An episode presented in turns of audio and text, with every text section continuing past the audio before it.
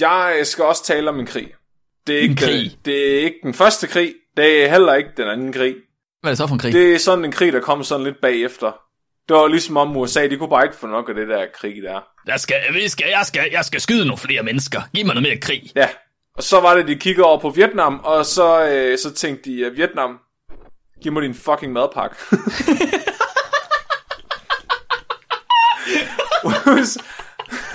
USA- havde fået lidt din strådsvandvid, øh, og var sådan, nu skal jeg kraftet ud og flex lidt. Nu tager ud og skyder nogle bønder. Ja, Vi bringer en advarsel. Den følgende podcast handler om vanvittig videnskab. Al forskningen, der præsenteres, er 100% ægte og udført af professionelle. Mark og Flemming står ikke til ansvar for eventuelle misforståelser, men minder jeg om, at de altid har ret. Husk at være dumme.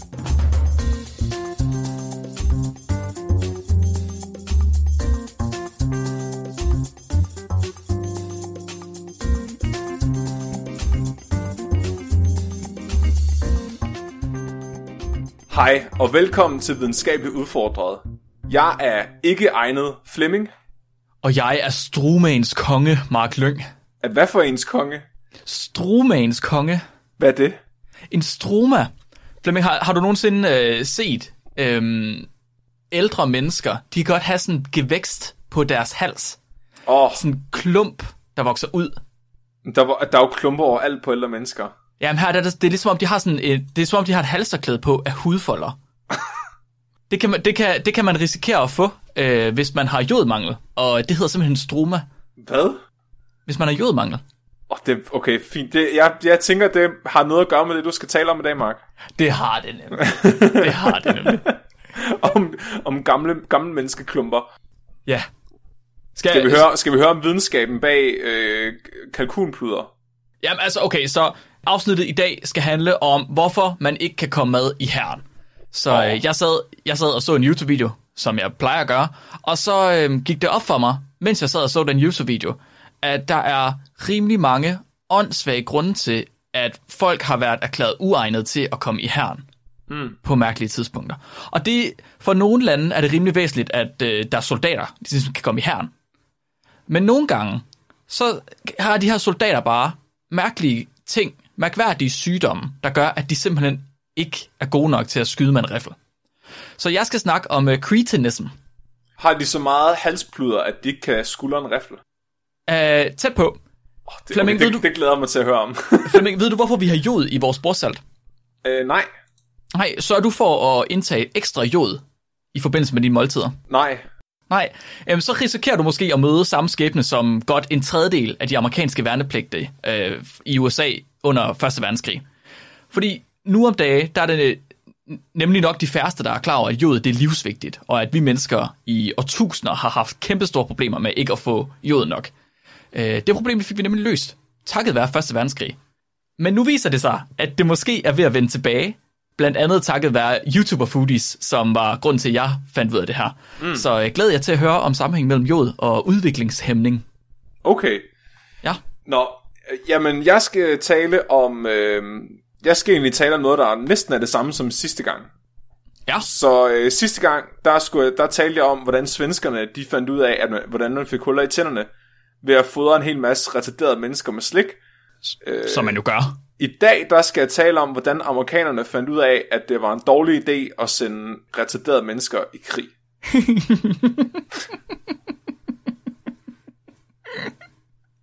Og jeg må godt sige retarderet, fordi det er det term, der bliver brugt i den videnskabelige paper, så det er ikke, det er, Åh, ikke, det er godt. det er ikke min mening. Jeg formidler bare, hvad der står i de Det er hellige rigtig tekster. vigtigt. Det er rigtig vigtigt lige at sige, at det er videnskabeligt. Det er Ja. videnskabeligt set, Ja, videnskabeligt så er set, det ord rigtigt. Ja. Det er et videnskabeligt ord, ja. Ja. Så øh, i dag der skal vi finde ud af, om der er en god grund til, at folk med en IQ på 83 eller under ikke bliver øh, ansigt som egnet til værnepligt. Det er ret fedt, fordi det, det passer ret perfekt med vores rækkefølge, fordi den sygdom, jeg skal snakke om, gør lige præcis, at man risikerer at få en IQ på 83 eller lavere. Uh, uh, Så det er jo uh. perfekt. Jamen så hit me, Mark. Den 28. juni 1914, der var den østriske, skråstreg ungarske, ærkehertug Frans Ferdinand og hans kone Sofie på besøg i Bosniens hovedstad Sarajevo. Og så bliver de skudt på klodshold af en 19-årig bosnisk-serbisk nationalist, der hed Gavrio. Det var verden åbenbart ikke så tilfreds med. Så den går i krig med sig selv og med hinanden, og så den første verdenskrig, man nogensinde har haft, den bliver simpelthen startet. Fordi at der var en bosnier, der ikke kunne lide en østrig. Det er også fair nok. Ja, så, så skal resten af verden også gå i krig med sig selv og hinanden. Så det ja. gør de. Sådan en verdenskrig for mig, den er lidt ligesom en pandemi. Den spreder sig ud over det hele. Den eneste forskel er bare, at folk de skyder hinanden, i stedet for at trække mundbind ned i netto og så hoste på hinanden. så øh, jada, jada, jada, jada, og lidt historisk krigsførsel. Og tre år senere, så får Amerikas forenede stater den formidable idé, at de skal da i krig mod Tyskerlandet. Nu er det deres tur for satan. Ja.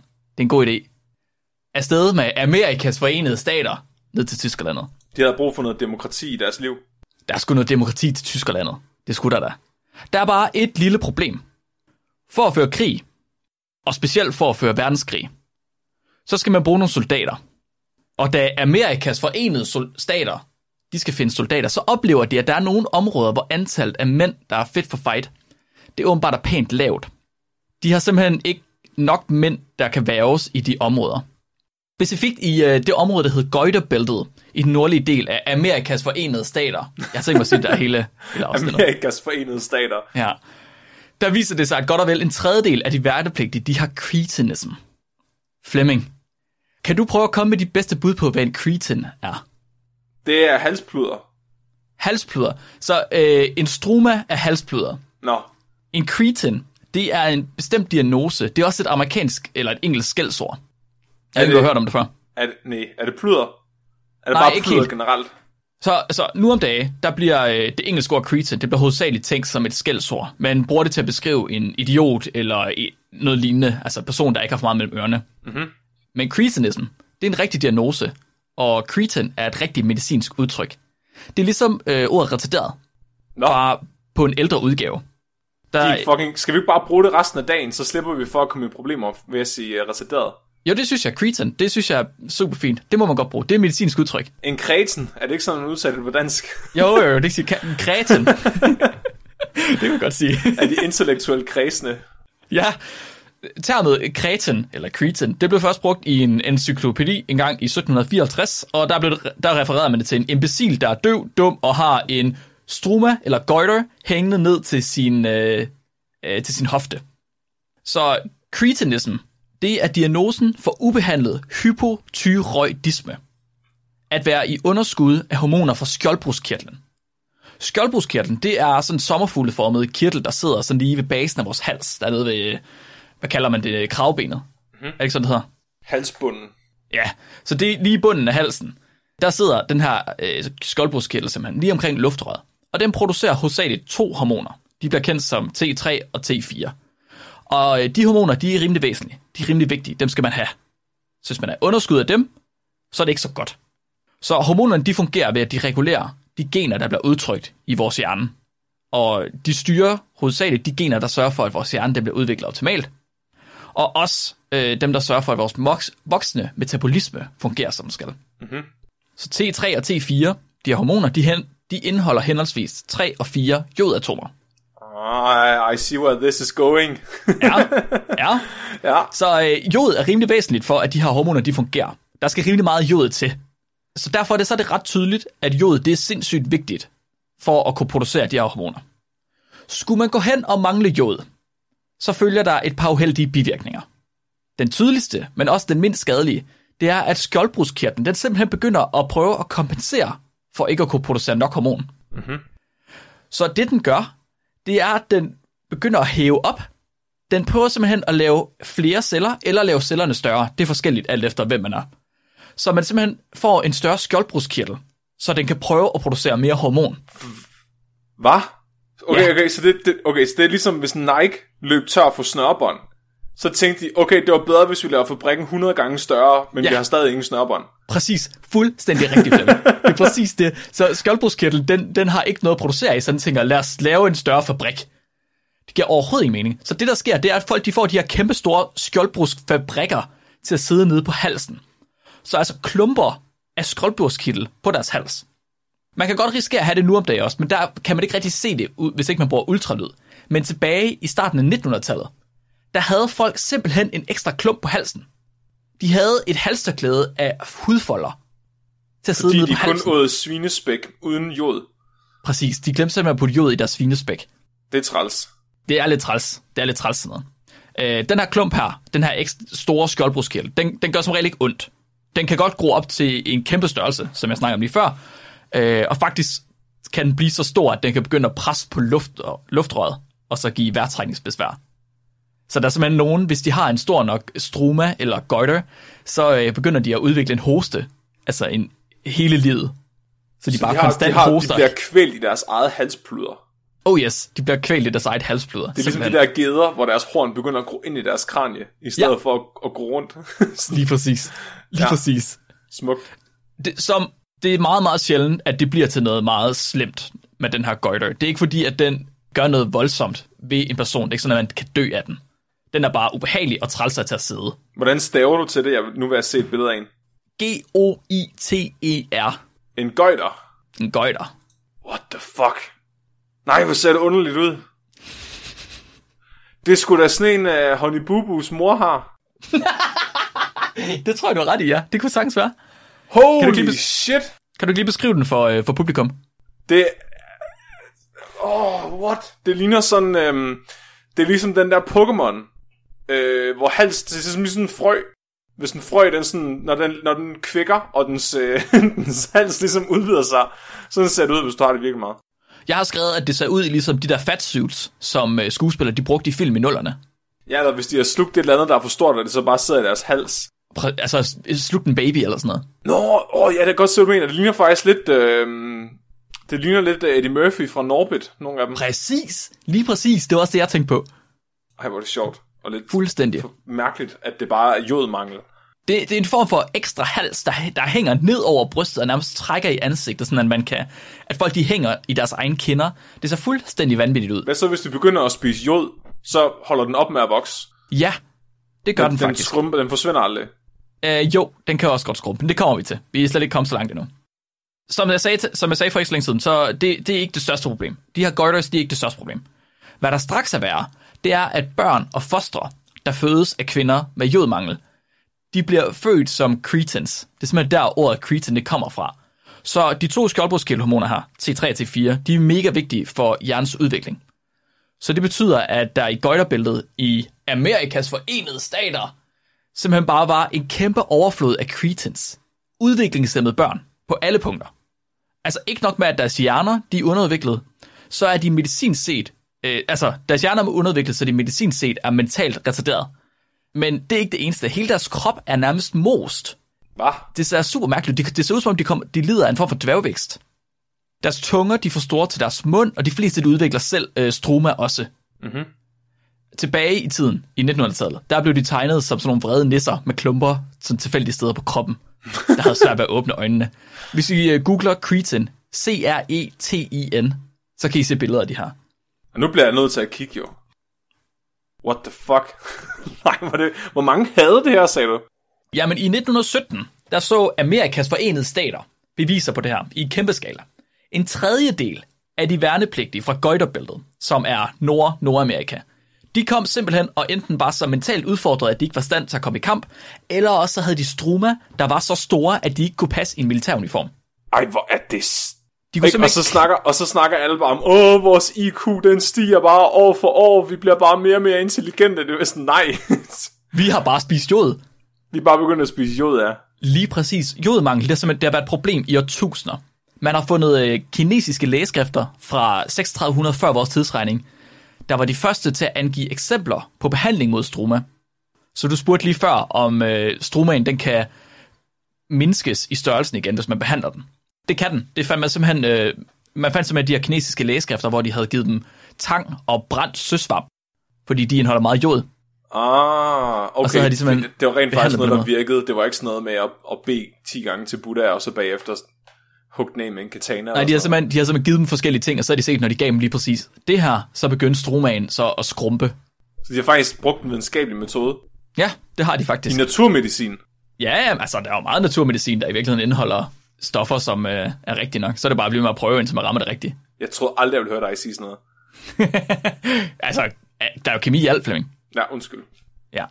Så Goiterbæltet i Amerikas Forenede Stater, det har været placeret i et område, hvor der er meget let fremkommet jorden, altså naturligt fremkommet jorden. Øh, og jod, det er et grundstof, der er blevet fordelt rundt omkring i verden via den seneste istids indlandsis. Så det er simpelthen ligget oppe i indlandsisen. Og efterhånden som den er smeltet, så er joden fuldt matten. Det betyder, at vi finder jod i øh, jord i meget begrænsede mængder. Men til gengæld så finder vi det i kæmpe store mængder i havvand. Så derfor så har befolkninger i nærheden af hav, de har også generelt været mindre generet af jodmangel, end andre folkefærdige har. Og det var også derfor, at de her kinesiske øh, tidsskrifter, som jeg nævnte, de angiver tang og brændt søsvamp som middel mod stroma. Jod selv som grundstof, det blev ikke opdaget før i 1811. Det var en øh, fransk kemiker, der kom til at lave noget lille røg i forbindelse med at producere krudt. Jeg tænker, det er måske ikke øh, den fedeste situation at stå i, at man er ved at producere øh, sort krudt, og så lige pludselig så begynder det at ryge lilla. Det er da rimelig fabulous. Ja, jeg kunne godt forestille mig, at man måske stiller sig lige en meter eller to væk fra det. Det er sjovt, at- det er sjovt at tænke på, fordi jeg altid tænker sådan, åh, groft salt med jod, og jeg tænker sådan, og hvad så?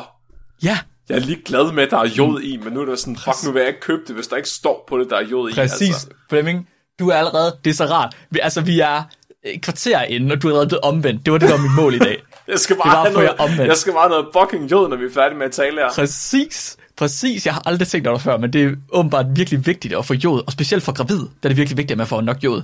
Husk, spred ordet, folkens. Ja, præcis.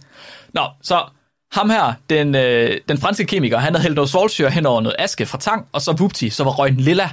Fordi når svovlsyre reagerer med jod, så bliver det til, øh, altså så bliver joden frigivet, og jod er lilla. Skidesmart i virkeligheden. Et par år senere, så blev jod karakteriseret og navngivet. Iodine, det engelske ord, og jod, det kommer af det græske ord for violet. Hvilket også er derfor, det øh, giver mening, fordi det er violet. Øh, og meget hurtigt efter, man havde karakteriseret det, så var der en svejsisk læge, der allerede havde hældt det her nye grundstof ned i halsen på sine patienter. Hva, hvad? Hvorfor? Ja, fordi det gør man. Det er sådan, man finder det er sådan hele det pædagogiske system er grundlagt. Det er sådan, Præcis. hvad, hvad, smager det af? Øh, hvad, sker der, hvad sker der, hvis vi fodrer det til cigøjner? Og sådan, bum.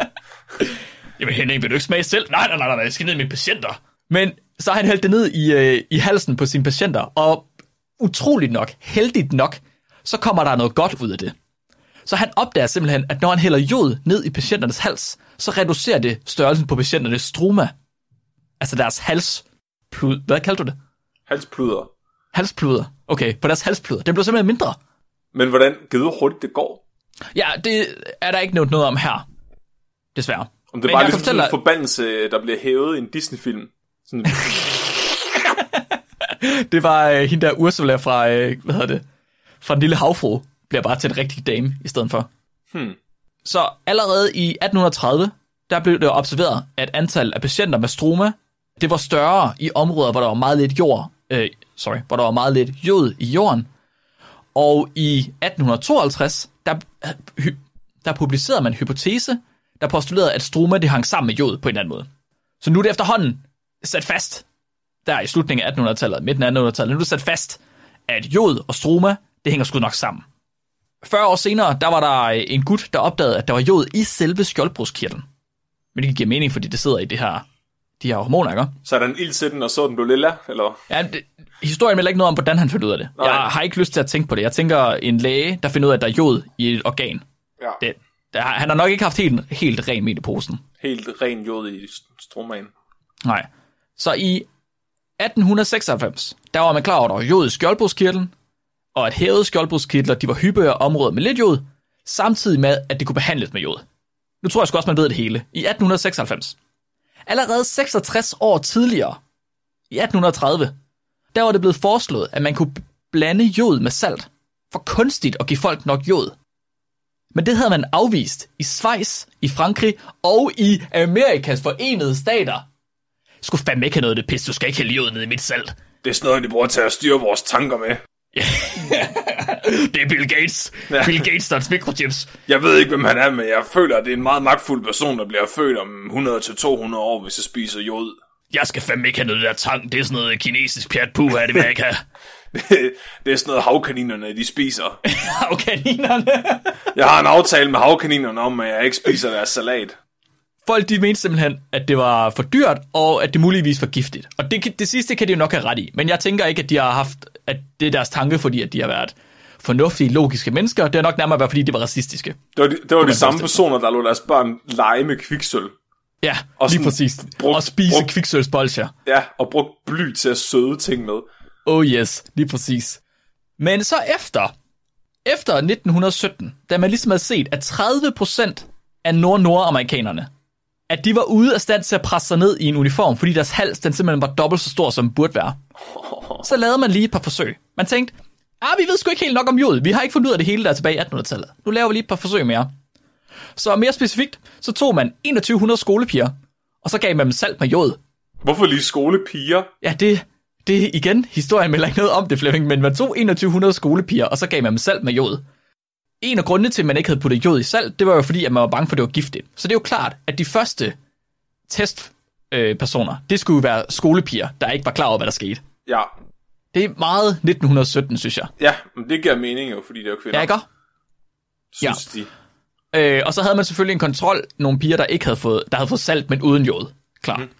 Øh, og over et par år, til omkring slutningen af Første Verdenskrig, der sammenlignede man så de her behandlede piger med den her negative kontrol. Og de fandt selvfølgelig, at hyppigheden af struma blandt de her piger, den var nedsat signifikant, når de fik jod. Mm-hmm. Klart. Det er også det, vi ligesom har, har, har, har hvad hedder det, bevæget os op imod. Det er det, vi har tænkt os til, ikke? Så i 1922, der gør de det endelig, Flemming. Nu gør de det. Amerikas forenede stater, de begynder at jodisere salt. Mm, mm. Hmm, kan Jeg du mærke det, hvordan, nu sker det, det Flemming? ved, hvordan salt smager uden jod. Ja, det er et godt spørgsmål. Smager det bare sved? Ah, jeg tvivler. Tror du, jeg der, tror er jod, faktisk, tror, der er jod i, i sved også? Eller er det bare salt? Jeg tror bare, det er salt. Salt og urinstof. Uh, nå, okay, fint. Så Der er rimelig meget urinstof. Ja. Ja. Så at jodisere salt, det betyder simpelthen bare, at man blander øh, salt, natriumklorid, med et andet salt, som hedder kaliumjodid.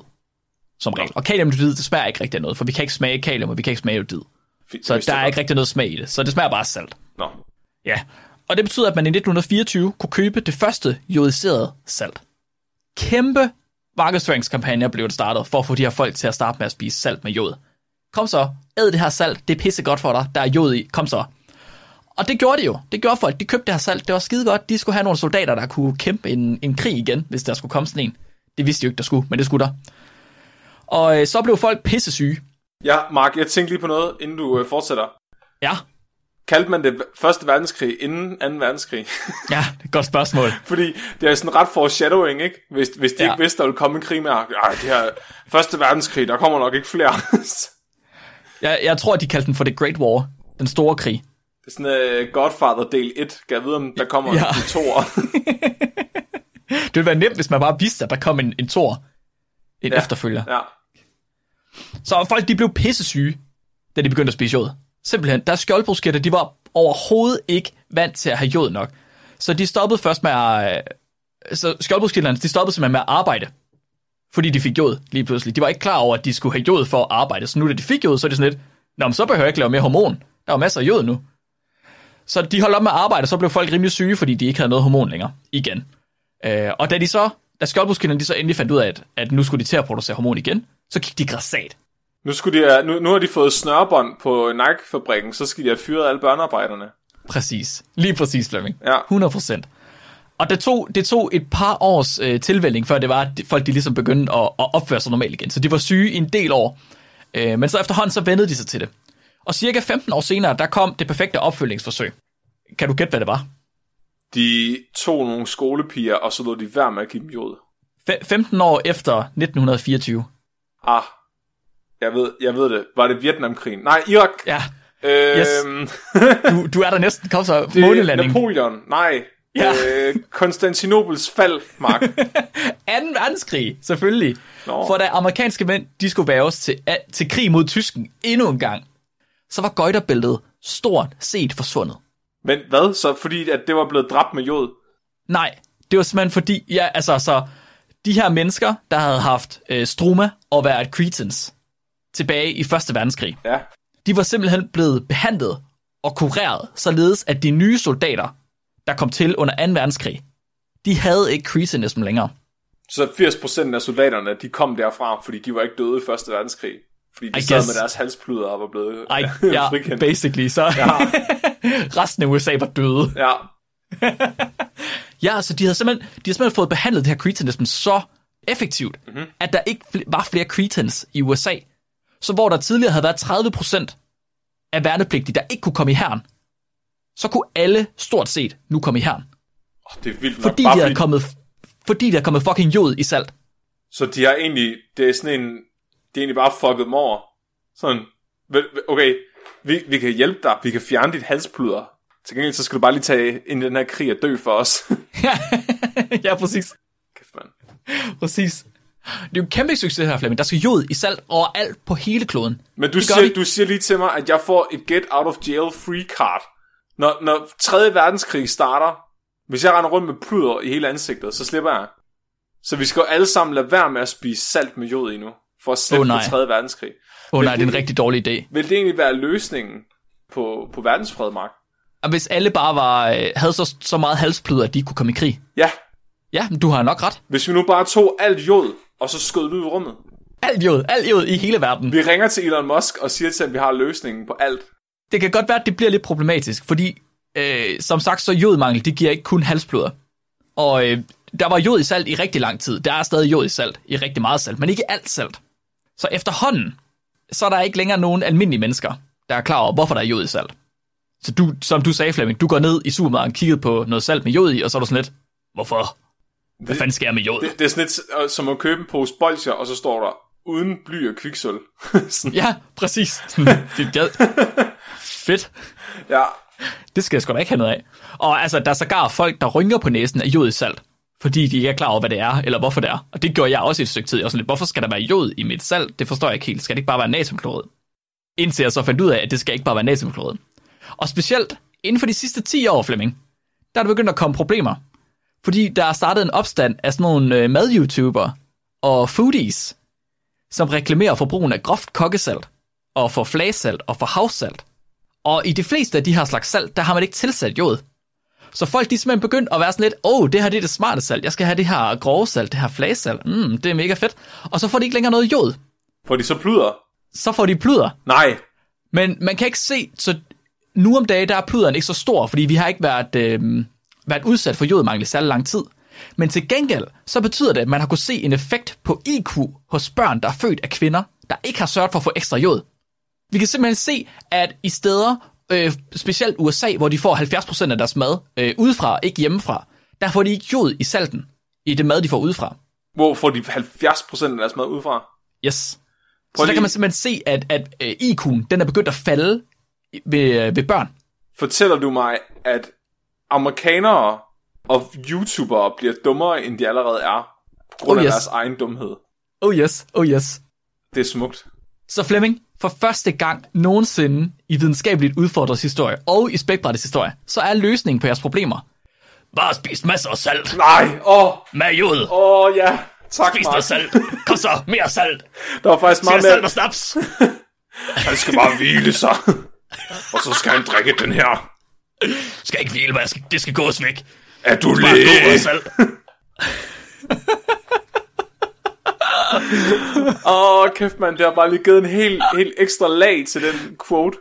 Er det ikke fedt? Jo, tak. Ej, nu er jeg virkelig. Så sørg for at spise noget salt. Og jeg har lige en lille bonusinformation øh, information her. Hvis, hvis I ikke øh, er så meget til salt, så kan I også spise flere mælkeprodukter. Simpelthen. Hvad? Har du et bud på, Flemming, hvorfor mælkeprodukter også kan hjælpe? Det er fordi, at øh, køer, de, øh, de spiser tang. Ikke herhjemme, nej, der får de soja, Nå. desværre. Og der er ikke så meget øh, jod i soja. Det er fordi, Flemming, at når vi malker mælkekøer, så skal vi rengøre de der patter, fordi de er beskidte, og der skal de der bakterier væk. Og jod, det er en pissegod øh, desinficerende. Så hvis man tager og rengør patterne med jod, så er der meget af det her jod, der simpelthen går ind i yret og ind i mælken. Ej, hvor er det fucked up. Så fordi at vi begyndte at rengøre yver med jod, så har vi fået mere jod i vores mælkeprodukter. Så du siger, der er kopat rengøringsmiddel i min mælk, og det er sundt for mig? Ja, det gør jeg. Hold kæft, mand. Er det ikke sindssygt? Jeg, altså, jeg, har ikke, øh, jeg sad og kiggede lidt rundt på, om jeg kunne finde noget desinficerende her i, øh, i Danmark. Jeg fandt øh, nogle få eksempler, og det var kun enkelte af dem, hvor jeg kunne finde ud af, at der var jod i. Så jeg er ikke sikker på, om man bruger jod i Danmark. Det giver mening, fordi det er også det, du bruger, når du øhm, opererer og sådan noget. Nå, så det der gule der, Ja, lige præcis. det der lige gule præcis. snask. Ja, Jeg ved ikke, om man, øh, man gør det specielt i USA, der bruger man rigtig meget jod til at rengøre, øh, rengøre patterne. Mm-hmm. Så enten så kan man spise salt med jod, eller også så kan man øh, drikke mælkeprodukter, eller spise ost, eller også så kan man spise fisk eller tang. Eller man kan, man kan løbe ind på en operationsstue og slikke en person øh, der, hvor, hu, hvor hu, huden er gul. Ja, det er en god idé. Ja. Du Det kan også eventuelt, ja, bare lige huske at spørge øh, om lov, ikke? Bagefter. Ja, og øh, hvis man gerne vil have, at det stadig er sterilt, så kan man lige drikke en flaske sn- snaps inden, ja og så præcis. slik. Ja. Det er en god idé. Det var simpelthen Flemming, så historien om cretinism og måden, du kan undgå at blive, øh, blive dum, ligesom øh, soldaterne fra Første Verdenskrig. Hold kæft, mand. Husk at spise salt. Ej, det, fik, det, er faktisk virkelig, det var faktisk en virkelig god historie om jod. om jod i salt. Hvad sker der? ja, men skulle have det. Hold kæft, mand. Vi har faktisk fået... Øh, Bøbben siger, at det er ved lov, at der skal tilsættes jod i salt. Bøb er en hund. Undskyld. Hun. Bøb. Bøbbi. Øhm, det vidste jeg ikke engang. Så det er faktisk endnu mere dumt, at der står med jod, fordi det skal der være. Ja, men ikke i alt salt. Og Okay. det er ikke alle lande, hvor det bliver, øhm, hvad hedder det, hvor det bliver kontrolleret på samme måde. Okay, okay. Der findes øh, et internationalt, øh, en international sammensværgelse nærmest for øh, lande, der prøver at udbrede jod til hele verden. Hvor man simpelthen kan gå ind, og så kan man klikke på forskellige lande, og så se, hvordan gør de for, at deres befolkning får jod nok. Oh, det er sjovt. Ja. Jeg så- var inde og ja. kigge på Danmark, men Danmark står ikke... Den var, det var svært at finde nogle informationer om Danmark. Ja. Ej, det er, bare, det er vildt underligt. Kan jeg vide, hvordan øh, de gør i Nordkorea? Ja. Der er sådan, Kim Jong-un, han har jod på sine tæer, så skal folk ligge sådan ned og kysse dem for at få jod. Det kan være, han er den eneste, der får jod nok. Men så har, han har egentlig ret meget pluder. Hvis der er nogen, der er er halspluder i Nordkorea, så er det ham. Er det rigtigt? Ja, det er, der, rigtigt. er også, det i. øh, der er også tal hipsterne derude, der gerne vil spise øh, salt uden jod i, så øh, pointerer Thijs her, at der, der er så ikke jod i vejsalt. Så hvis man, Nå, ikke, det er smart. hvis man ikke har råd til at købe det der øh, havsalt, så kan man bare tage af. Men det, til gengæld er det ret dyrt lige nu, fordi det har snedet så meget. Så. Men jeg har 25 kilo liggende. Er vejsalt ren natriumklorид? Er det ikke blandet op med sand også? Og Eller det, hvad? det er sikkert alt muligt andet pis. Ja. Asbest og sådan noget. Er der pis i mit salt? Det kan der komme. Det er også smart. Der er, der, er, der er salt i mit pis, så måske jeg ikke også, der skulle være pis i mit salt. Det er et filosofisk spørgsmål. Det, det, vil, Det- det... arbejder vi ikke i her. Nej, okay, det kan jeg godt se. Nå, Gark, Gark og Blark. Jeg skal også tale om en krig. Det er ikke, En krig? Den, det er ikke den første krig, det er heller ikke den anden krig. Hvad er det så for en krig? Det er sådan en krig, der kom sådan lidt bagefter. Det var ligesom om USA, de kunne bare ikke få nok af det der krig der. Jeg skal, vi skal, jeg, skal, jeg skal skyde nogle flere mennesker. Giv mig noget mere krig. Ja, og så var det, de kiggede over på Vietnam, og så, øh, så tænkte de, at Vietnam, giv mig din fucking madpakke.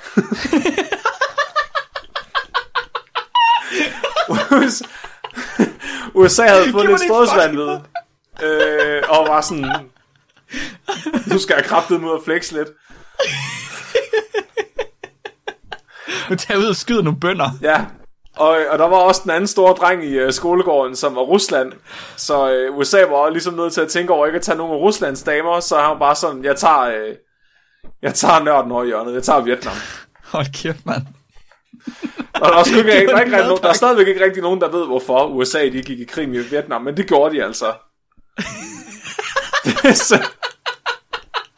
Jeg er ked af... Det eneste gode, der kom ud af den krig, det var Rambo-filmene. Ja, det er rigtigt. Det er en god film. Ja, og øh, Big Lebowski-referencerne. ja. Tragisk historisk gengæld. ja, og noget rigtig god antikrigsmusik også, øh, vil jeg sige. Mm. Fortunate Son er virkelig en, øh, en banger. Men ellers så kom der egentlig ikke rigtig noget godt ud af det. Der kom, der kom også noget videnskab ud af det, Mark. Der kom ud af krig. Ja, det ud siger af du ikke til mig. Ja, jeg ved ikke, om man kan kalde det decideret videnskab, men herren, den amerikanske her forsøgte sig i hvert fald i videnskab. Eller brugt videnskaben som øh, en undskyldning. Ja, Ja. og det går som regel ikke særlig godt, når de gør det. Nej. Så USA, de manglede soldater at sende til Vietnam.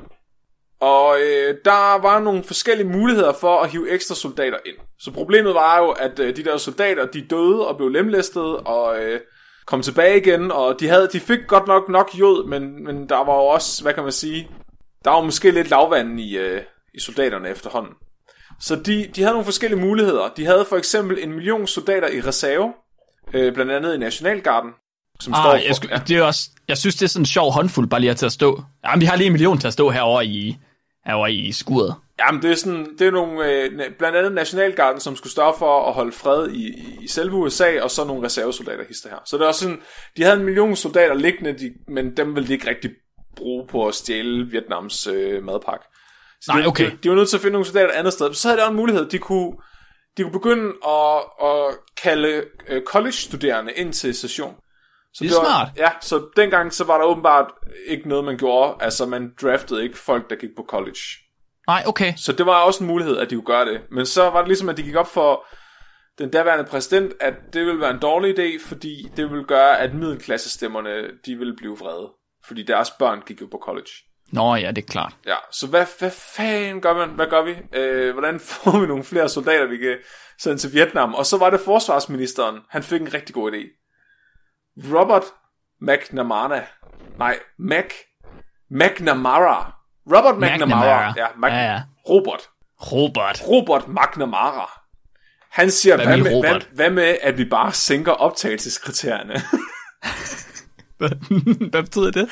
det betyder, at øhm, normalt, når man gerne vil herren, mm-hmm. så bliver man det kan du sikkert huske fra, det du var til værne, eller hvad hedder det, session, at man får sådan en intelligenstest.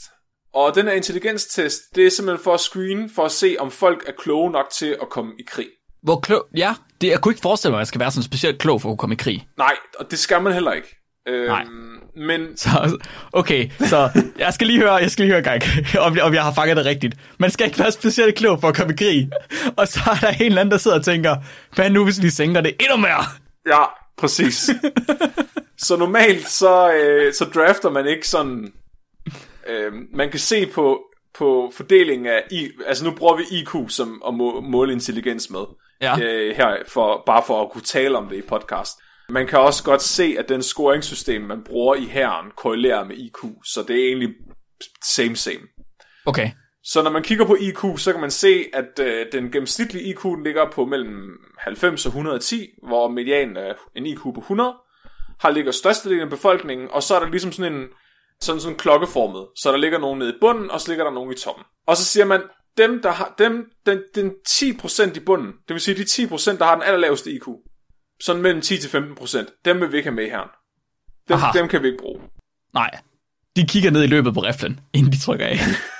Nogle af dem vil nok gøre. øhm, det, men der er det så, de, der, de begynder at mangle soldater, der er Vietnamkrigen, tænker, okay, fuck it. Hvad, vi prøver at se, hvad der sker. Så øhm, de kørte den her kampagne. McNamara, han sagde, "Men prøv at høre, det her det er en god idé. Det er en win-win for os alle sammen. Fordi en rigtig stor del altså, af dem, der har den her lave IQ, det er egentlig ikke folk, man vil anse som værende øhm, retarderet normalt. Altså, det er ikke sådan nogle folk, der vil komme på et eller andet hjem. Det er mere folk, der vil komme ud i... Man ser, at, at langt, langt størstedelen af dem, de bliver kriminelle, eller bare bor på gaden. Fordi de, okay. de er simpelthen ikke i stand til at passe et arbejde, men de får heller ikke understøttelse. Så altså, det er rigtig slemt i USA. Okay, Så hans argument det var, at øh, ved at tage dem i herren, så vil man trække dem ud af slummen, ud af fattigdom. Man vil sørge for, at de ikke bliver kriminelle. Man vil simpelthen give dem en identitet ved at sende dem i herren. Plus man også vil uddanne dem. Så han var overbevist om, at selvom størstedelen af de her personer ikke kunne skrive og læse, så ville de lære det, når de kom i militæret, fordi militærskolen var meget, meget bedre. ja, meget, meget bedre. Ja, Det synes jeg, det synes jeg er sådan en argumentation, man har hørt rigtig, rigtig, rigtig mange gange fra den amerikanske her. ja. Ja, det er godt i herren. Du skal komme ind i herren. Kom ind i herren. Alt, alt med guns er bedre. Kom og skyd nogle bønder. Ja. Og øh, det blev så kaldt projekt Project 100.000. Fordi okay. ideen var at drafte 100.000 af de her individer ind i herren og sende dem til, i krig i Vietnamkrigen. Og øh, det her projekt det kom hurtigt til at hedde noget andet, Mark. Nej. Det kom til at hedde McNamara's Morons. Ej, nej, nej, nej. Så McNamara's tumper. Oh god. Det var måske også mere passende navn, fordi det blev altså ikke 100.000 soldater med en IQ under bundgrænsen, de tog ind. Det blev 354.000. Oh, what? 71% af dem her, de kom så direkte i herren øh, som infanteri. Så det var, det var kun ganske få af dem, der kom ind andre steder, som i flyvevåbnet og, og hvad hedder det, marine. Hvad hedder det? Ja, ja, Marie. Ja, marinen. Ja. Og det er sjovt, fordi Forrest Gump er faktisk baseret på det her. Ah, nå. Så Forrest Gump og øh, Bobba fra øh, filmen er Mhm. højst sandsynligt øh, en afbedring af nogle af de her morons. McNamara's What? Det var jeg ikke morons. klar over. Jo, og det er også der, og det er lidt sjovt, fordi når man læser om, hvordan det var for de andre soldater at have dem her på slæb, så er det lidt det samme, man ser i filmen med, øhm, med Lieutenant Dan. Hans Mhm. attitude til Forrest Gump er meget sådan, du er en tumpe, øh, du burde ikke være her, agtig. Hvad laver du her? Det er lidt det, at man også oplevede. Så, normalt så skal man have en IQ på 92, hvis man gerne vil ind i den amerikanske her. Men det, er, det varierer sådan lidt efter, hvilken del af herren det er, og hvor meget de har brug for soldater. I virkeligheden, Aha. så er bundgrænsen en IQ på 83. Så okay. Okay. hvis du har en IQ på 83 eller under, så kommer du ikke ind i her. Okay. Og det er sådan cirka, at den, altså, hvis du har en IQ på under 83, så er du i, i bunden af, altså bund 14% af befolkningen. Så hvis du tager 14% af befolkningen med den laveste IQ, så vil den klogeste af dem have en IQ på 83 Ja. og alt derunder. Den her test, den hedder The Armed Services Vocational Aptitude Battery Test, og er egentlig bare en simplificeret udgave af en IQ-test, som tester lidt flere parametre. Mhm. Og jeg prøvede at finde ud af, hvad, hvad den her bundgrænse er i Danmark, men det er der virkelig, virkelig ikke nogen, der har lyst til at komme ud med. Den var alt for lav. Øhm, der er lavet nogle studier... Vi tager også høns med. Ja, det er fordi den danske intelligenstest, den er lidt anderledes, og der får man også nogle point, og du kan, når du har været og til session, kan du gå ind og se, hvad de point vil svare til i IQ. Men de, har, de er meget sådan værnende omkring det, så du kan ikke finde nogen tal på, hvad, hvad bundgrænsen er. Men i USA, der er den så op de her 83%. Okay. Hvad, hvad svarer det til? Det, det har jeg ligesom prøvet at finde ud af. Det er lidt, og det er rigtig svært at finde ud af, altså, fordi en IQ på 83, det er egentlig et ret normalt fungerende menneske. Altså, det mm-hmm. er en person, der måske vil ha- ha- tage nogle dårligere beslutninger for sig selv, men ellers, så, øh, altså, så er det ikke sikkert, du vil lægge mærke til det. Altså, det vil være en person, der godt kunne passe et arbejde og passe sig selv. Når du kommer Ja, under sure. en IQ på 70, så begynder det at være svært for personen at varetage sig selv. Altså sådan noget som at lave mad, vaske tøj, gå i bad, sådan nogle helt almindelige hverdagsting, begynder at blive besværligt for en person med en IQ på under 70. Okay. Jeg har prøvet at finde nogle konkrete eksempler, og det er, det er svært at finde for nogen, der har en IQ på over 70, men på under 70 der er det ret nemt, fordi selvfølgelig, selvfølgelig er det det. størstedelen af, af mor og kriminalitet bliver faktisk begået af, af de her individer. Så What? Er, Ja, Nå? fordi mange af dem er så uintelligente, at de ikke kan vurdere, hvad der er rigtigt og forkert. Så ender de med at, at begå mor uden rigtigt at ville det, eller forstå, hvad de har gjort. Vi har snakket om, øh, om at være psykopat tidligere, om at, Ja. hvordan det er at mangle empati, men uden rigtig at være klar over, hvad empati er. Ja. Er det i virkeligheden fordi, at de har for lav en IQ til at vide, hvad empati er? Jeg tror ikke, de forstår øh, konsekvensen af deres handlinger, og de forstår nødvendigvis heller ikke, hvad døden er. Okay. Øh, fordi det er simpelthen for komplekst. Og det, jeg, okay, så jeg skal, jeg skal lige rette, det er ikke størstedelen af mordere, der har en IQ på under øh, 70. Men hvis du kigger på mængden af kriminalitet og mord, der bliver begået af personer med så lav en IQ, så er de langt, langt højere procentdel end folk med normal IQ. Okay, så de fleste, så der er en stor, stor procentdel af folk, der har en lav IQ, der begår kriminalitet på den måde. Ja, den er større, end hvis de havde en almindelig Ja. IQ. Ja. Ja, okay, okay. Jeg så har nogle eksempler her. Så Earl Washington, han havde en øh, IQ på 69. Mm-hmm. Han tilstod et mor, han ikke havde begået. det, det, Ja. ja. det synes jeg. Det, der, så ligger han godt ud. Det gør han sgu. ja, de øh, fandt ud af, at øh, det simpelthen ikke kunne lade sig gøre, at han havde begået det her mor, han tilstod. Og så opdagede de, at han bare sagde ja til alt, hvad de spurgte ham om. Hvordan? det er virkelig gerne ved, hvordan. Det, jeg ved ikke. De, de, de spurgte for eksempel, øh, de opdagede, at han talte dem efter munden. Så hvis de nu spurgte, er vi i Atlanta, så ville han sige, ja, vi er i Atlanta, selvom de var i Texas. så var der Det er, billigt... ligesom, det er ligesom, okay, det er ligesom den der hest, der lærte dig til. Kan du huske den? Nej, Ah, der var sådan en hest på et tidspunkt, hvor man var, sådan, man var helt på røven over den, fordi man mente, den kunne, den kunne regne og tælle.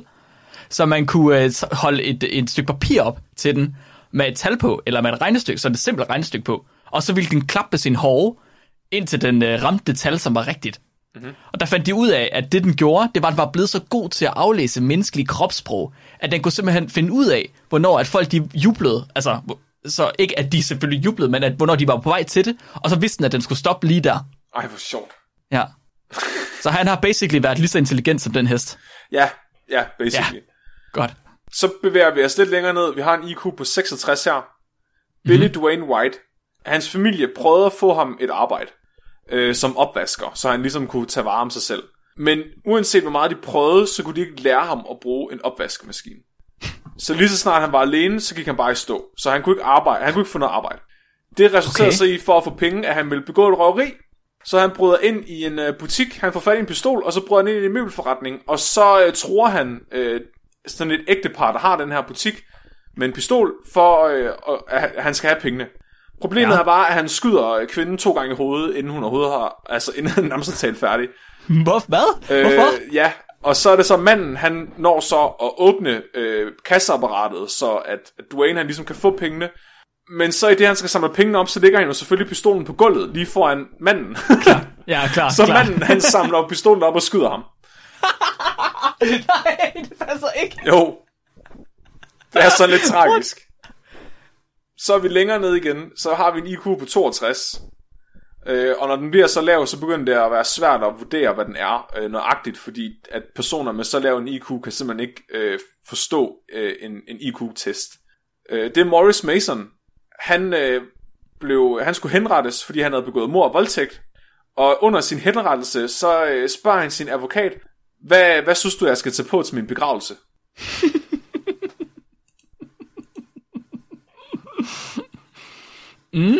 Mark, det, mm-hmm. det, det jeg lige har beskrevet for dig, mm-hmm. det er personer, som det amerikanske militær mente skulle i krig. Ja, det er en god idé. Det er en skide god idé. Jeg vil gerne fortælle dig om, hvordan det her eksperiment det gik nu. Ja, det. Jeg vil gerne høre, hvordan det gik. jeg vil virkelig ønske, at Fortunate Sons øh, sang ikke var copyrighted. Fordi jeg vil virkelig gerne have den i baggrunden lige nu.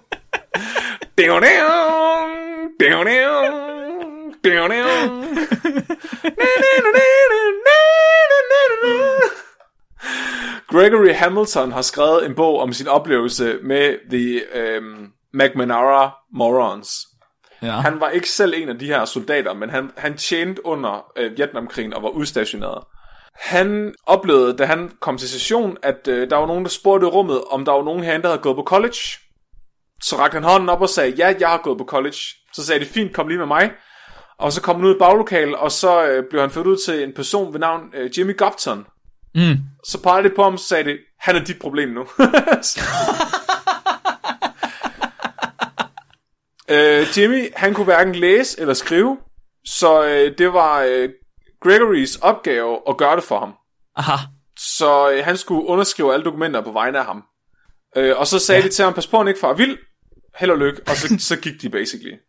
Pas på, han ikke far vild. Ja, det går så op for Gregory, at øh, ham her Jimmy, han, øh, han vidste ikke, at USA var i krig. Nej. Han vidste heller ikke rigtigt, hvorfor han var, hvor han var. Nej. Og det gik også op for ham, at øh, at læse og skrive var heller ikke det eneste, han ikke kunne. Nå, nå, det var det ikke. Så Gregory fik også til ansvar at øh, redde hans seng for ham, fordi det kunne han ikke selv. Han skulle også binde hans snørbånd om morgenen, inden de kom ud. Og så øh, fandt han også ud af, at han ikke kunne højre og venstre, fordi hver eneste gang, de fik at vide, at de skulle dreje højre eller venstre om, så gik det galt. og det er sindssygt. Altså, det er, det er mega tragisk. Så, altså, det er, jeg, jeg kan ikke lade være med at grine af det, men fuck, det er også tragisk at tænke over, at der blev sendt 354.000 mænd ud, hvoraf rigtig mange af dem var som ham her i krig. Så jeg, jeg kan ikke lade være med at grine af det, men jeg, har- jeg har også Hvordan, en dårlig hvordan samvittighed. det er så sindssygt, at man ser en person, der ikke er i stand til at redde sin egen seng. Ja. Og så tænker man, den person, han skal da have dødbringende våben i hænderne. Og så skal han da pege det hen imod mennesker. ja. Og vi skal lige sørge for, at han ikke peger det hen imod sine egne mennesker. Og det var faktisk et ret stort problem. Ja, det tænkte jeg fandme nok. Hold kæft, hvor var jeg... Ej. De var, Han kunne ikke højre og venstre, så er der sådan, nå, hvad er de grønne? Puh. både Jimmy, men også flere af de andre øh, af de her rekrutter, de var til fare både for sig selv, men også for andre på skydebanen. Så de, øh, par, de pegede med geværerne og kom til at fyre dem af på uhensigtsmæssige tidspunkter osv. Øhm, og Gregory han beskrev et tidspunkt, hvor de skulle ud og lære dem at kaste med granater. Og øhm, det de ikke kunne forstå, det var, at de skulle kaste granaterne opad i luften. Nej. De fleste af dem kunne simpelthen, altså at de, de brugte hele dagen på at prøve at forklare dem, at de skulle kaste granaterne opad, og så ville de lande et eller andet sted foran dem. Men de blev ved med at kaste granaterne lige ud, hen imod det der, de skulle lande. Så der var aldrig nogen af dem, der ramte, hvad de kastede efter. Oh god. Det påvirkede ham med Gregory så meget, at han simpelthen tog dem med ud om aftenen selv og prøvede at lære dem det. Og prøvede at lave anekdoter om, at der var fugle på himlen, de skulle ramme, men de kunne ikke forstå det, for der var jo ikke nogen fugle. Nej, der var ikke nogen fugle, Flemming. Åh, Ja. oh, fuck, det her, det er fuldstændig ligesom at se de der videoer med det danske hjemmeværn. Der, hvor de står og har riffeltræning, og så kigger ned i løbet, eller hvor de, øh, ej, tager set. ned foran deres hænder, eller sådan noget. Ej, Kæft, mand. det er ret tragisk. Og øhm, de andre soldater var jo selvfølgelig også virkelig trætte af dem, fordi altså selvfølgelig var, det, var de en byrde at have med. De var ikke kun en byrde for de andre soldater, men også fordi de skulle have så meget ekstra opmærksomhed og så meget ekstra træning, at øh, de faktisk i herren blev uenige om, hvem der skulle betale alle de her ekstra omkostninger. Og hvem der overhovedet skulle have dem, fordi der er ikke nogen, der gad have de her rekrutter. Og selvom familiemedlemmer og de andre soldater og dem, der stod for at træne dem, blev ved med gentagende gange og sende breve ind til den amerikanske regering om at få sendt dem hjem, så insisterede den amerikanske regering på, at de ikke måtte blive sendt hjem. Så de blev simpelthen tvunget til at tage i krig, selvom der ikke var nogen, der ønskede det overhovedet, andet end øh, McNamara. Der er også mange historier om, hvordan der så gik efter, de blev, øh, de blev udstationeret. De andre soldater ville selvfølgelig drille dem. Øh, sådan noget totalt børnedrill. Øh, de, der var en, de øh, spurgte, om han helst ville have en nickel eller en dime. Jeg kan ikke huske, hvad for en af dem, der er mest værd, men den, der er mindst værd, er den største mønt. Ja, Og han ville selvfølgelig altid vælge den største mønt, så de snød, alle ja. hans, altså, de snød ham og drillede ham. En af, de, en af de værste ting, der blev beskrevet for ham med Gregory, det var på et tidspunkt, at øhm, de havde jo sådan en rutine med, at hvis at der var nogen, der gik ud for deres lejr, for at, at gøre et eller andet, så når de kom tilbage, så skulle de, så skulle de råbe, hold, who's there? Og så skulle de svare, hvem det var, så de vidste, at det ikke var en, en vietnameser, der kom. Mm-hmm. Og øhm, jeg tror, jeg kan fandme ikke huske, hvad han var. Jeg har ikke styr på de der øh, militærtitler. Jeg tror, det var en oberst eller en sergeant, øh, som, som stod for den her enhed. Han skulle ud og, og kigge efter et eller andet pigtråd, de havde sat op. Og så kommer han tilbage, og så er det en af de her McNamara's morons, der står, hold who is here. Og så inden han står, inden han når at svare, så har ham her, øh, McNamara moron, simpelthen skudt ham ihjel. What? Ja, fordi, og der ikke er What? nogen, ja, så, det, det, det, det resulterede egentlig i, at, at øh, de andre soldater blev så vrede på ham, fordi han havde, han havde lige skudt deres overordnede. Så de, Ja. de sagde basically, ham her, han overlever ikke til morgen. Og øh, der var tydeligvis nogen, der havde, der havde øh, levet op til det her løfte, fordi næste dag, der var han der ikke mere. Wow. Ja, Shit. Så hvordan, hvordan, hvad var resultaterne af det her, Mark? Jo, dødeligheden blandt de her morons, den var tre gange så høj, som ved, en, ved soldater med normal intelligens. Åh, oh, Jesus. Og den dødelighed, er man klar over, om det er øh, fjendtlig beskydning, eller om det er altså infighting? Det står der ikke noget om. Nej. Men dødeligheden var i hvert fald tre gange så høj som normalt. Så der, ja, og der var 20, udover det var der 20.000 skadede, hvoraf 500 var med amputationer. Så det, det er ikke, der er en god grund til, at folk med en IQ på under 83 ikke kommer her. øhm, det der var sindssygt, det var jo, at McNamara, han, hvad var hypotesen overhovedet, altså, på det her forsøg? Hvad er konklusionen, når der ikke er nogen hypotese? Jo, vil du høre, hvad hypotesen var, Mark? Hvad var hypotesen? Jo, så McNamara, han var meget stor tilhænger af teknologiske mirakler. Og en af de her nye Ja. teknologier, som han mente skulle redde de her individer, det var brugen af videobånd. Ja. Han mente ved at udsætte disse personer for brugen af uddannelsesrelaterede videobånd, vil han kunne hæve deres IQ med 20 point. Og derved gøre dem Men, egnede du, soldater. undskyld, undskyld, undskyld, undskyld, undskyld. Han mener, at hvis han sætter dem ned, og så ser videobånd, Ja. så kan han hæve deres IQ med 20 point. Ja. Og øh, sagde han noget om, hvad der skulle være på det videobånd? Nej, fordi der var aldrig rigtig nogen, der fik vist nogle af de her videobånd. Nej, det er klart. Det er et skide godt forsøg, når man glemmer at lave det. Ja, øh, Hold kæft, mand. Der var, og han mente jo så selvfølgelig også, at, øh, at de, øh, det her det ville rehabilitere mange af de her personer, fordi de var udsatte, inden de kom i krig. Det viste sig, at øh, de fik det ikke bedre af at blive udstationeret i Vietnamkrigen. Øh, de fleste de vendte tilbage med svær PTSD eller handicap på andre Ja. måder. Øh, de blev heller ikke mere intelligente af at komme i krig. Øh, så det der måske i virkeligheden foregik her, det var, at McNamara gerne ville have nogle flere øh, body shields, fordi størstedelen af de her McNamara's morons, de blev faktisk bare brugt som infanteri. Så de blev bare sendt ud som cannon fodder. Åh, det er virkelig uetisk og meget, meget klamt. Ja, så det er, jeg vil sige, i videnskab, der kommer den her ikke til at score særlig højt på gargometeret. Fordi det er, det er et videnskabeligt studie, eller det er en meget, meget amoralsk handling af det amerikanske militær, der er maskeret som en, en videnskabelig undersøgelse. Og det, der er det mest Jesus. fucked up, det er, at efter det her, der er, man, der er USA ikke stoppet med at gøre det. Hvad? Så under Irak-krigen, der manglede man også soldater. Og så gentog man det her. Ikke i lige så stor skala, men i stillhed begyndte man at væve folk, der var under øh, intelligensgrænsen i den amerikanske her. Man gør kun sådan noget i stillhed, når man har set, hvor galt det er gået, fordi ja. man ved, det går galt igen. Og det, der var fucked up, det var, at øh, de, der var nogle af de her individer, som simpelthen blev kaldt for Forrest Gump af de andre i krigen. Ej, hold nu op. Ja. Så det er... Wow. Ja.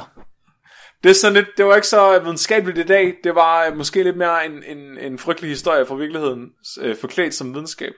Det er også vigtigt, Ja. så man ikke kommer til at gentage historien i gang. Jeg tænkte øh, for at, og, øh, ikke lige at slutte af på sådan en øh, deprimerende øh, morale her, så fandt jeg lige noget mere om IQ.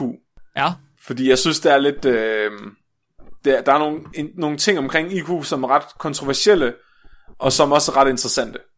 Så jeg vil Prøv, godt... er, du, er du på vej til at prøve at argumentere for, hvorfor at jeg har et point mere end dig? Prøv at høre, Mark, det har du heller ikke.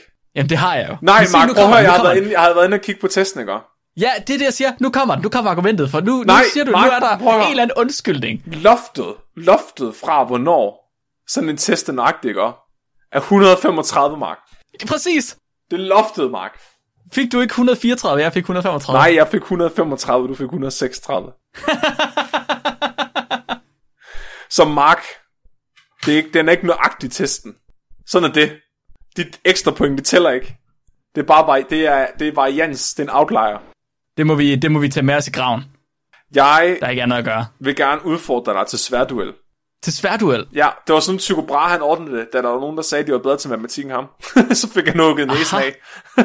Han, han tænkte ikke, han skulle lave et matematikproblem. Han skulle simpelthen bare i en sværduel. Ja, med sin fætter, indtil han fik hugget næsen af, så fandt han ud af, at han var dårligere til matematik. Jamen, det er i orden. Skal vi finde Ja. ja. dato? Ja, det er næste gang, ja. ja. Når vi lige er færdige med Næste- optag, så aftaler vi en dato. Okay, det er i orden. Det jeg egentlig gerne vil sige om IQ, det var, at der er en ret sjov ting omkring IQ og køn. Så okay, så først vil jeg gerne have lov til at sige, at jeg synes ikke, at man kan bruge IQ som en indikator for intelligens. Fordi der findes mange forskellige former for intelligens. Jeg, IQ er god til at finde ud af, om man har en god, øh, rummelig og systematisk intelligens. Så folk med en, en lav IQ kan stadigvæk godt være intelligente. Øh, for eksempel Richard Feynman, er det ikke det, han hedder, øh, ham kemikeren, I snakker om? Fysikeren. Fysikeren, ja. Øh, han, han var Nobelprismodtager, og hans, øh, mm-hmm. hans IQ, den var faktisk ikke over normalen. Så det er ikke, du kan sagtens være et geni uden at have en høj IQ, og du kan også godt have en lav IQ og være klog. Der hvor IQ er smart, det er, når du har altså bunden, ti- altså bunden 10%, toppen 10%, så begynder du at kunne sige noget mere overordnet, fordi det er så ekstremt.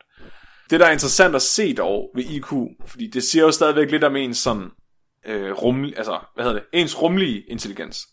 Og der kan man se, at øh, mænd og kvinder, de har egentlig nogle, altså hvis du tager en hel masse mænd og en hel masse kvinder og tester dem, så har de lige mange IQ-point.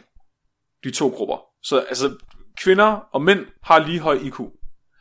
Det, der er interessant, det er, at mænds IQ er meget, meget mere spredt end kvinders IQ. Okay. Så det vil sige, at 99% af de individer, der har den allerhøjeste IQ, det er mænd. Men 99% af dem, der har den aller, aller laveste IQ, det er også mænd. Så det betyder, at, at næsten alle genierne er mænd, men næsten alle idioterne er også mænd. og det, jeg synes bare, det er ret tankevækkende. Og man mener, at det er på grund af seksuel selektion. Jeg skulle lige til at spørge jer. Ja, så man ved, at, at, at historisk set har mænd og kvinder ikke altid været helt monogame. Så vi har flere kvindelige forfædre, end vi har mandlige forfædre. Så man mener, at naturen har gjort sådan, at mænd de varierer mere på alle mulige forskellige parametre. Så ikke kun øh, intelligens, men også måske øh, aggression, højde, alle mulige forskellige biologiske faktorer, end kvinder gør. Fordi så kan kvinderne have mere varians, når de vælger, hvilken mand de vil have børn med, og så foregår evolutionen mere effektivt. Så det, så det er sjovt, at langt størstedelen af, af IQ-tumper og IQ-genier er mænd, men, men mænd og kvinder har stadig lige høj IQ, hvis du kigger på populationsniveau. Og det er måske også en af forklaringerne på, at langt størstedelen af kriminelle og mordere er mænd, fordi de ligger nede i den her øh, lav IQ-gruppe. Mm. Ja. Sådan sammenhæng på sammenhæng på sammenhæng, ja. Ja. Det var egentlig det, jeg havde at sige. Tusind tak for det. Nu øh, skal vi have kigget på noget gargometer fra sidste uge, Mark. Skal vi have et lytterspørgsmål, inden vi gør det? Uh, uh, har vi et? Uh, uh. Okay. Uh, jeg har fået et lytterspørgsmål fra Astrid. Astrid Brun Villersten. Hun, uh, hun skriver, at hun undrer sig over, hvorfor menneskers stemmer de er så unikke, når dyrs stemmer de ikke på samme måde er unikke i forhold til hinanden. Hvorfor lyder vi så forskellige? Hvorfor vores stemmer er unikke i forhold til dyrs stemmer? Ja, hvorfor kan, hvorfor kan vi høre så meget forskel på vores stemmer, når vi ikke rigtig kan høre forskel på dyr? Åh, oh, det er sjovt. Altså, fordi jeg synes, jeg kan høre ret stor forskel på dyr. Mhm. Altså, Altså på de samme dyr. Ja. Ja. Altså, du, tæ- du tænker på altså, forskel mellem forskellige hunde, ikke? Ja, ja, for eksempel. Ja, jo, altså jeg kunne Eller, sige, ja, øh, ja, eller forskellige høns. og det ved jeg ikke så meget, jeg ikke sammen med dem. Men, men øhm, altså, da, jeg- da jeg boede hjemme med mine forældre, der havde vi fire hunde på et tidspunkt. Og jeg kunne tydeligt høre forskel på dem. Altså, Men- Men, om de klunkede eller gød, eller hvad fanden det var, eller om de knurrede. Jeg kunne tydeligt høre, hvad for en det var. Okay, jeg tror, ja, som jeg forstod det, øh, hvad hun mente her, så var det øh, lidt ligesom, at øh, hvis du har øh, 10 labradorhunde, og de alle sammen gør, så lyder deres skøen alle sammen ens. Den samme hund kan godt lyde forskelligt, om den klynker, eller om den gør, eller om den piver, eller hvad den gør. Ja, ja. Men det er det, jeg jeg kunne, mere jeg sådan- forskel på, hvilken hund det var. Okay, simpelthen. Ja, altså de, som om de havde forskellige stemmer. Også selvom de er samme race. Øh, pff, nej, det var de Jeg er også generelt, der er forskel på, øh, om en lille hund siger noget, eller om en stor hund siger noget. Det tror jeg egentlig godt, man kunne, hvis du var sammen, hvis du var nok sammen med dyrene, og rent faktisk lyttede til dem, så tror jeg godt, du ville kunne. Mm-hmm. Jeg tror egentlig, hvis, Så at, hvis du kom til et andet land, og du boede der, og du ikke forstod, hvad folk de sagde, og de talte et andet sprog, så tror jeg også, du ville synes, deres stemmer lød mere ens, fordi du ikke ville bruge den samme opmærksomhed på lydene, de laver. Det kunne jeg også forestille mig. Øh, Helene, hun er begyndt at gå meget op i fuglefotografi. Mm-hmm. Og hun er jo biolog, så hun har været ude en gang imellem med nogle ornitologer og høre på fugle, simpelthen, hvor de har været ude på nogle studieture. Og der, øh, der stod de simpelthen op med den her ornitolog, og det er sindssygt, fordi der er nogle mennesker, der simpelthen har trænet sig så meget i at høre forskellige fuglesange, at de kan stå op om morgenen, og så have de her hundredvis af forskellige fugle, der synger. Og så kan de høre forskel på dem alle sammen, og udpege dem. Altså kigge op i et træ og sige, åh, oh, det er den, der er der, åh, oh, det er den, der er der, åh, oh, det er den, der er bag mig. Altså, men det er forskellige arter igen. Ja, præcis, det er Så det er forskellige ikke arter. individer af rigtigt den nok. samme art, men det er stadig sejt. Mm-hmm. Ja. Ja. Huh. Jeg tror det, er fordi at øh, vi ikke har... Oh, det er et godt spørgsmål. Men det er jo ligesom ansigter også, ikke? Altså, jeg ved godt, det er mega racistisk, men, men, men øh, folk fra Asien synes, at alle fra Vesten ser ens ud. Og alle fra mm-hmm. Vesten synes, folk fra Asien ser ens ud. Men hvis der så er en fra den anden gruppe, der flytter dertil og bor der i noget tid, så begynder man at udvikle et register af ansigter og ansigtstræk tilhørende ja. den. Så, så det, det er egentlig, jeg tror egentlig bare, det er en tilvændingssag. Det er fordi, det, det er ting, man ikke er vant til at lægge mærke til. Ja, det tror jeg. Fordi jeg tror egentlig, altså på mange områder, så er mennesker meget mere ens på individniveau øh, end, end andre dyr. Så man kan for eksempel se øh, fysiologisk på menneskekraniet. Hvis du sammenligner to menneskekranier med hinanden, også på tværs af flere forskellige menneskeraser, så er kranierne så latterligt identiske, at det, det er helt ulækkert. Hvis du okay. tager to forskellige chimpansekranier og sammenligner, så er variationen 10 gange højere. Og Okay, det, det, vildt. kan du, Det det kan du se øh, også imellem øh, Homo erectus for eksempel. Så det har været et stort problem, når man har prøvet at klassificere øh, forhistoriske menneskearter, fordi man har taget udgangspunkt i Homo sapiens, altså os selv. Mm. Men vi er så ens fra hinanden, at når du prøver at putte den samme standard ned over Homo erectus for eksempel, så var man kommet til at lave seks forskellige arter, Ah, ja. men det var den samme udgravning, fra den samme Ja. tidsperiode, fra den samme art, og så gik det lige pludselig op for Ah. dem, at der var, at det er simpelthen fordi, at mennesket, der har været en eller anden udrydningsevent på et tidspunkt, som har gjort, at den genetiske variation i alle mennesker, den er, ret, den er meget, meget lav. Altså, vi er utrolig ens. Så jeg det er tror, mærkeligt, var. Ja, så jeg tror næsten, hvis du, hvis du havde en anden objektiv parameter, hvis du kunne måle lydbølgerne på vores stemmer, så tror jeg, at de vil lyde mere ens, end de fleste dyrs stemmer vil fra hinanden. Huh, ja. Så hvis du, ja, det kan jeg godt se. Hvis du koger det ned til noget binært, for eksempel. Ja, Ja, jeg kan godt se, hvad du mener. Til et signal eller sådan noget. totalt indavlet. Ja. Der er også mange dyr, der har øh, nogle helt andre spektre, de ligesom registrerer sig selv og hinanden på, end vi har. Altså, de, ser, de hører langt flere lyde, eller de hører, ser langt flere øh, lysbølger, Ja, som vi slet ikke kan se eller høre. der lyder meget mere badass. Så det kan være, at vi bare slet ikke, vi slet ikke kan høre der, hvor de snakker i virkeligheden. Uh, uh! det er derfor, hunden kan snakke med spøgelser. Ja, præcis. Alright, skal vi ikke sige, at det var øh, svar til Astrid? Det tænker jeg. Ja, tusind tak for spørgsmålet, Astrid. Okay, så ne, vi, skal, vi skal have rated på gargometeret. Oh ja. Yeah. Så gargometeret, det er den objektive parameter, hvorved vi finder ud af, hvor godt et afsnit har været, eller hvor meget, Oh ja. hvor meget i vanvidets ånd har det her afsnit været i. Hvor videnskabeligt er vi blevet udfordret, Mark. Og vi skal have rated sidste uges afsnit, som handlede om uetisk forskning. Oh yes. Jeg fortalte om, hvordan at øh, svenske tandlæger stopfodrede øh, mentalt udfordrede mennesker med slik, øh, for at finde ud af, om deres tænder rådnede. Og jeg fortalte om, hvordan at amerikanske øh, læger og forskere, de havde forhindret afroamerikanske mænd i at blive behandlet for syfilis i 40 år. Nej, det er et sindssygt afsnit. Altså, jeg, altså først skal vi have rated den på en skala fra 1 til 10 videnskabelighed. Og jeg siger, jeg siger, jeg bliver nødt til at give den 8, fordi hold kæft, hvor har de været grundige i de studier. Ja. Jeg synes, afsnittet i sig selv er, var rimelig videnskabeligt. Øh, de artikler, de havde lavet i min del, var ikke specielt... Altså, de var videnskabelige, men det var ikke særlig sigende. Jeg er med på en 8, helt sikkert, for jeg synes i virkeligheden, afsnittet var rimelig videnskabeligt mm-hmm. i sig selv. Ja. Mm-hmm. Tænkefaktor, meget har du tænkt over det her, Mark? Jeg har talt med en del om øh, begge studier i virkeligheden, og om hvordan at det er sindssygt, at det har kunne foregå i de udviklede lande, de vestlige lande, de lande, der burde være forbillede, det godt. Dem, som man tænker, ah, øh, det er ikke dem, der laver sådan uetisk forskning, det er altid Rusland eller Kina eller sådan noget, der Ja, laver det i sådan nogle ja. skumle kælder. Det er det ikke. Det er USA, og det er Sverige, der gør det, og de gør det ved højlysdag. Ja, det er jo ikke engang særlig længe siden. Nej. Altså, det er jo fuldstændig vanvittigt. Jeg bliver Altså, det har, det, jeg, altså, jeg er oppe på øh, måske nier. Ja, det har jeg også givet den. Jeg, det er også en, de også en, hvor jeg snakkede om det bagefter med folk. Ja. Øh, fjollefaktoren, den var også faktisk ret høj. Ja, det var den, var den ikke det? Jeg ved ikke, hvor fjollet det er at ødelægge tænderne på udsatte mennesker, men det var lidt sjovt. 8. Ja, præ- præstationen var okay. Præstationen var god. Puha. En Nobelfaktor. Så hvor meget Ja. fortjener den her forskning en uh, tosset Nobel? Ja. Jeg vil sige, jeg kan ikke give den særlig meget her. Okay. Mest fordi, at jeg synes, at det var mere... Ej, jeg ved ikke. Det kommer an på, hvor meget jeg tillade, kan tillade mig at synes, det er sjovt. Ja, præcis. Det er, lidt, det, det er som om, man kan ikke rigtig give en Gag Nobel til uetiske studier, kan man det? Det er som om, det ikke rigtig er okay. Men uetisk forskning er bare det bedste forskning. Det, er- det er de bedste Ej, historier. jeg bliver nødt til at give den 7. Men ja, ja, ja, men jeg følger med dig på en syver.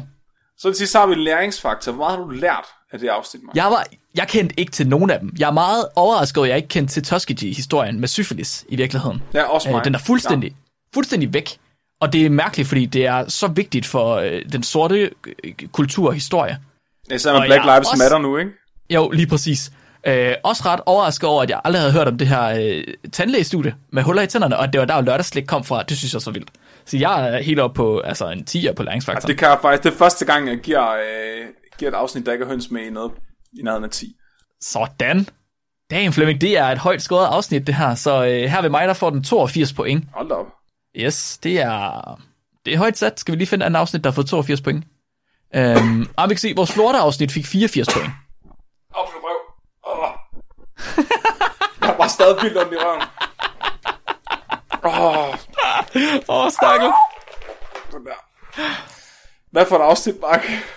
Vores, vores lorteafsnit, den der kom til at handle om lort, Ja. det er afsnit øhm, 327. Den fik 84 point. Det er også nok det bedste afsnit, vi nogensinde har lavet. Så den er, den er lige under det afsnit. Det er ikke det afsnit, der har fået flest point til gengæld. Det kan jeg fortælle dig. Der er andre, der har fået flere point i lorteafsnit. Ja, kan vi, vi skal lave et om prutter på et tidspunkt, og så skal vi høre, om der er nogen, der lytter med derude, som er gode til at lave øh, musik med armhuleprutter. ja. Eller rigtige prutter. Øh, om de vil spille vores temamelodi i armhuleprut, og så sende det til os. Det er en god idé. Så Det synes jeg er en god idé. Det, vi skal have flere folk til at lave mærkelige ting med prutter. Ja, det har vi brug for. Jeg kan godt give det ret i. Halløj, kære lytter. Det er Nikolaj her fra redigeringsrummet. Jeg afbryder udsendelsen for at meddele, at næste uges afsnit det kommer til at være ganske specielt. Vi skal nemlig have vores første crossover-afsnit med den fantastiske podcast Vanvittig Verdenshistorie. Afsnittet det skal handle om ingen ringere end selveste Benjamin Franklin. Fra Flemming og Marks side, der kan jeg afsløre, at I kommer til at høre om fleksible urinvejskateter og kalkuner bliver stegt med elektricitet. Men mere vil jeg ikke afsløre end det. Så glæd jer, det bliver et forrygende afsnit. Nikolaj, out. Mark, inden vi ja. Får vores dyrefakt, kan du så ikke Ja. lige fortælle lytterne, hvad de skal gøre? Jo, øh, jeg tror godt, at jeg vil anbefale, bede lytterne om i den her uge, og øh, fortælle om os til jeres venner, og til jeres bedstemor, til jeres hund, og til jeres vindue, og til jeres spøgelser, og hvem I nu ellers tænker, der godt kunne tænke sig at lytte til den her podcast her. Lige for tiden, der er der sindssygt mange, der fortæller om podcasten til alle mulige, de kender, og skriver til os om det, og det, det er sindssygt fedt. Vi er virkelig glade for det. Vi elsker, når der er øh, mennesker, der skriver ind til os, som har hørt podcasten og godt kan lide den. Både nye og gamle. Dem alle sammen. Så øh, en af de måder, man kan hjælpe øh, bedst på, det er simpelthen bare ved at fortælle om podcasten til andre. Så hvis man ikke har penge, eller lyst til at give penge, eller synes, at det er noget fjollet, så behøver man slet ikke gøre det. Man kan bare fortælle sin bedstemor om podcasten. Og så tvinge hende til at lytte til et afsnit. Det er det eneste, vi beder om. Det øh, lyder fornuftigt. Ja. Mark. Ja. Kom med det, Mark. Mm, Kom, jeg vil have Dagens dyrefakt. Jeg vil have Birgitte, hun sidder på Discord og råber og skriger efter dagens dyrefakt. Og det er lidt poetisk, for det er Birgitte, der har sat det ind. Åh, oh, oh. Ja, Birgitte, hun har øh, fundet en artikel, hvor man har fundet ud af, at unge ravne, helt ned til fire måneder, de faktisk er lige så intelligente som voksne menneskeaber. What the fuck? Så vo- voksne menneskeaber er slet ikke så intelligente, som vi tror. F- øh, fire måneder gamle ravne, de slår dem. Kan vide, hvor, hvor, altså, og, og sådan de otte måneder, og så er de klogere end os. Oh yes, oh yes, oh yes. Verden bliver styret af ravne. Tak for det, Mark. Du er øh, blevet videnskabeligt udfordret. Mit navn, det er Flemming. Og mit navn det er Mark. Husk at være dumme.